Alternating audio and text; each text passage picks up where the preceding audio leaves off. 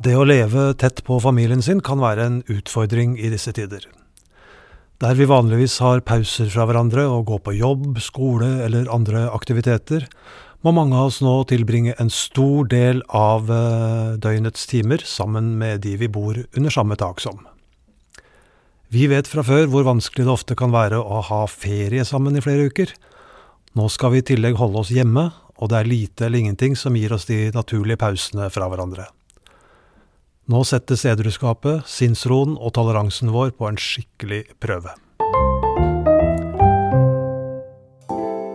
Hei, jeg heter Alexander, og jeg har ingen møter å gå på i dag, så jeg velger å ta en kopp kaffe og dele noen av tankene mine med deg her.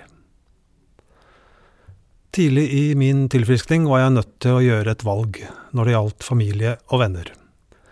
Det ble tidlig ganske klart for meg at jeg var nødt til å velge å holde avstand, Gi meg sjæl tid til å jobbe med de tinga som skulle legge grunnlaget for et godt og solid edruskap. Så jeg kutta kontakten med de fleste, valgte sunn egentid og alenetid, sånn at jeg ikke konstant skulle være nødt til å bli påminna av fortida mi. Jeg valgte også å ta avstand fra de fleste av vennene mine på den tida. Etter hvert fant jeg vel ut at størstedelen av dem egentlig ikke var så gode venner uansett, men noen av dem har jeg jo i ettertid funnet tilbake til, og vi har gode, om enn noe annerledes, forhold den dag i dag. At jeg kunne velge å steppe vekk fra disse menneskene på den tiden, var helt essensielt for meg. Jeg fikk tid og plass til å bli kjent med meg sjøl på en helt ny måte, og jeg slapp alle distraksjonene og stresset som tidligere hadde ligget og murra under overflata hver gang vi møttes. Jeg tror også jeg var i stand til å kommunisere det behovet på en måte som de fleste forsto. Eller forsto, de trengte jo egentlig ikke det, de hadde også nok med seg og sitt, så det ble ikke så mange gnisninger ut av det da. Vi hadde hvert vårt, og det ble akkurat slik det skulle. Men nå er det ikke like lett å leve etter de anbefalingene jeg fikk den gangen, og sånn er det sikkert for flere enn meg om dagen. Det å være nødt til å være sammen mer eller mindre hele tida kan tære på ethvert forhold. Og det er aldeles ferskt, eller om det har vart i flere tiår, om det er med partner, barn, foreldre eller andre samboere. For det er i krisetider at folk flest viser sine sanne ansikter. Det er i krisetider at vi ser vårt eget og andres ego stige frem. Det er nå vi kan kjenne på vår egen panikk og angst der den lurer i vannskorpa, og det er nå vi kan se hvor dypt kjærligheten og toleransen virkelig stikker hos de eller den vi er så heldige å dele bad med. Sponsoren min sa til meg en gang AA er ikke et sted du går til, det er en ting du gjør.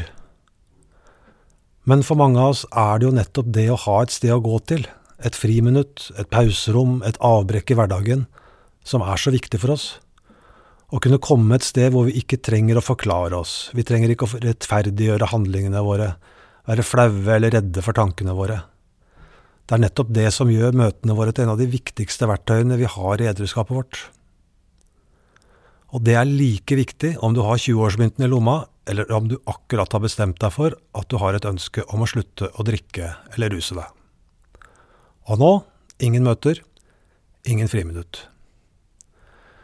Så nå må vi la AA, eller NA, eller Alanon, eller hvor det nå vanligvis er du pleier å tilbringe noen timer, nå må vi la det være en ting vi gjør. Vi må huske på at trinna ikke er noe vi tar, det er noe vi lever. Det er lett å savne møtene, men den viktigste jobben, den er vi nødt til å gjøre sjøl. Nå skal vi være i sitt-ned-modus i overskuelig fremtid. Dag etter dag. Noen ganger veldig lange dager også, sammen med de du i bunn og grunn er veldig glad i. Jeg håper da i hvert fall det, at du ikke bare bor sammen med dem fordi det er praktisk og rutineprega. Det kan nok hende det blir en gigantisk babyboom rundt juletider, men det kan også hende at det blir en tilsvarende boom i brutte samliv. Men la nå ikke deg og dine små og store mentale fuckups være grunnen til det siste, i hvert fall. Det blir en utfordring. Det er det kanskje allerede. Det tærer på. Det blir mange små konfrontasjoner, det blir mange følelser, mange tanker, mange valg, og mange muligheter for diskusjoner og mange tause middager.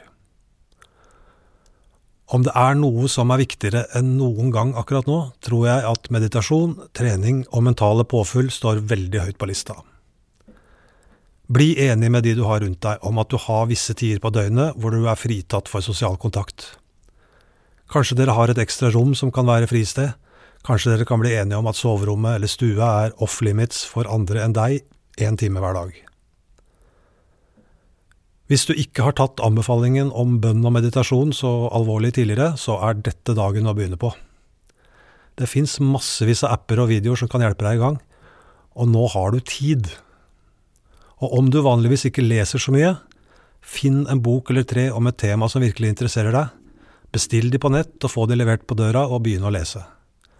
Eller sjekk din egen bokhylle om det ikke var noe der du hadde glemt at du hadde tenkt å lese en gang.